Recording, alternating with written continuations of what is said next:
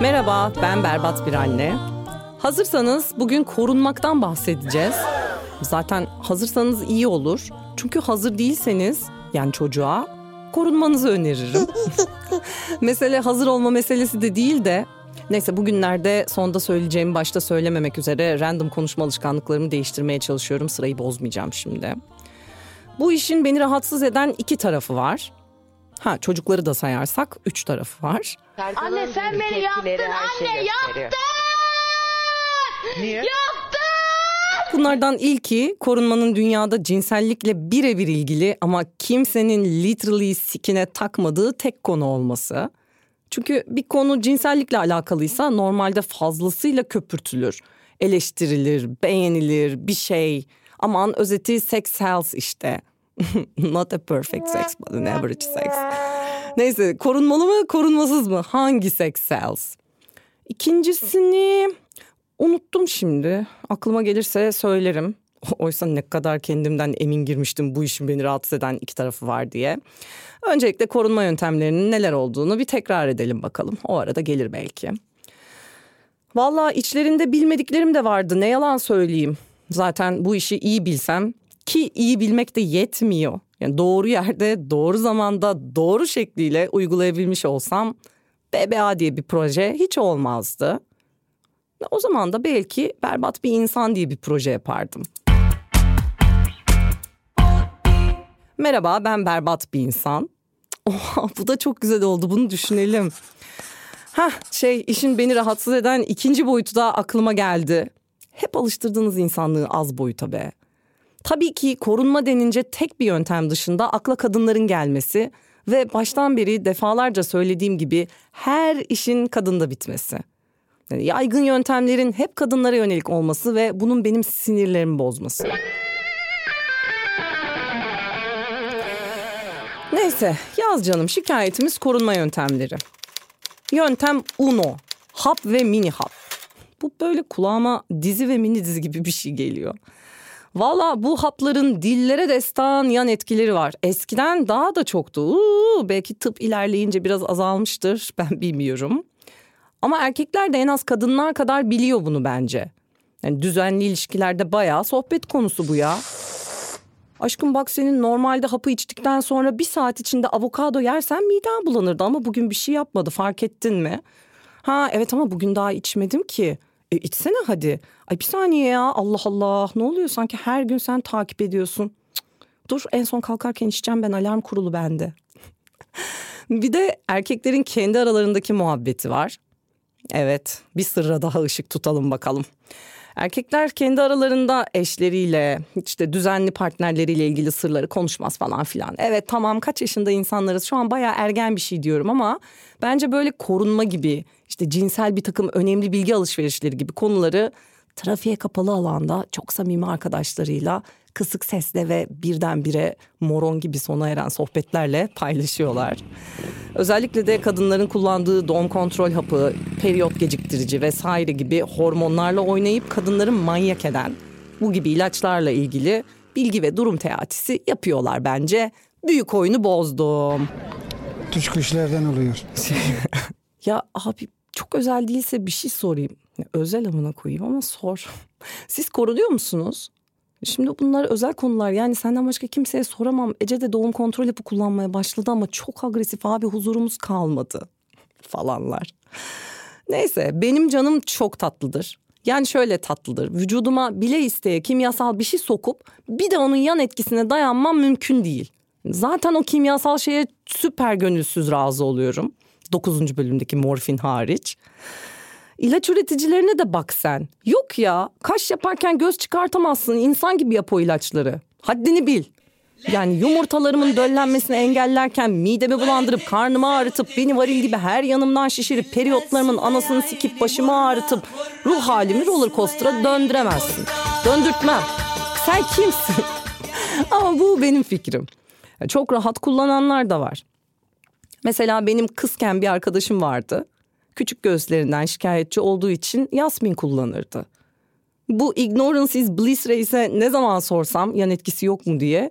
Yo bana bir şey olmuyor ki derdi.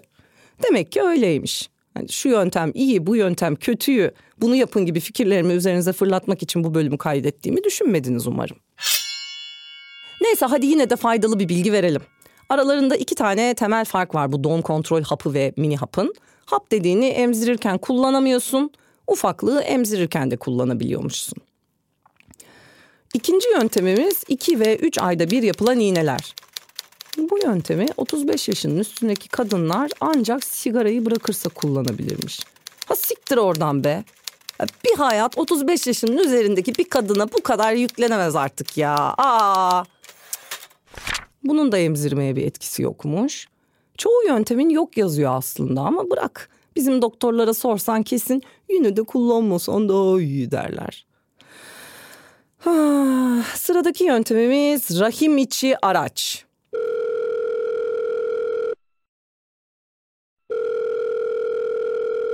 Alo. E, merhaba, kolay gelsin. Ben Mukadder Hanım'dan bir kontrol randevusu alacaktım. E, evet. E, bir de fiyat soracaktım. Rahim içi araç düşünüyorum. Hı hı. Marka model. Aşkım bizim aklımızda bir marka model var mı? Yok, çok fark etmez. Fark etmez, ayağımı yerden kessin yeter. Arada biner gezerim. Rahim ağzı kontrolümü falan kendim yaparım. Rahim duvarına bakarım. Ne alemde ustalar iyi çalışıyor mu diye. İşte golf kar gibi içeride gezmelik. o ne be? Bu bildiğimiz spiral aşkım. Yani Arşimet spirali, hiperbolik spiral ve Fibonacci spiralinden sonra halkımız rahim içi araca da kuvvetle muhtemel telimeli spiral şeklinde olduğu için spiral demeye karar vermiş ve dilimize böyle yerleşmiş.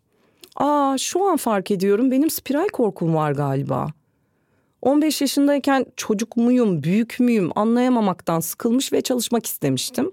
Babam da elime bir kutu mendili verip babam da bana göz kulak olacak arkadaşlarının çok olduğu bir otelde yaşıma yaraşır bir iş ayarlamıştı. Bilin bakalım ne? Mini kulüp. Ama içimdeki manyağı hızlı gördükleri için bir süre sonra kendimi sahnelerde buldum. Dans şovlarına çıkıyorum. Akşamları Michael Jackson, Thriller'lar, Queen'in I Want to Break Free müsamereleri falan. Hep derim ya benim animatörlükten kariyer yapmam gerekiyordu net. Hatta şef animatörün izinli olduğu günlerde şovları açıyorum anonslar bende. Arada içimde bir ses hala bağırır. Und meine Damen und Herren, herzlich willkommen unsere heute Abend Show Türkische Nacht. Tabii anonslar hep bu tonda. Benim de öyle yapmam gerektiğini sanıyordum. Ta ki Rusça çevirileri dikkatimi çekmeye başlayana kadar. İşte saat 3'te su topu var mesela.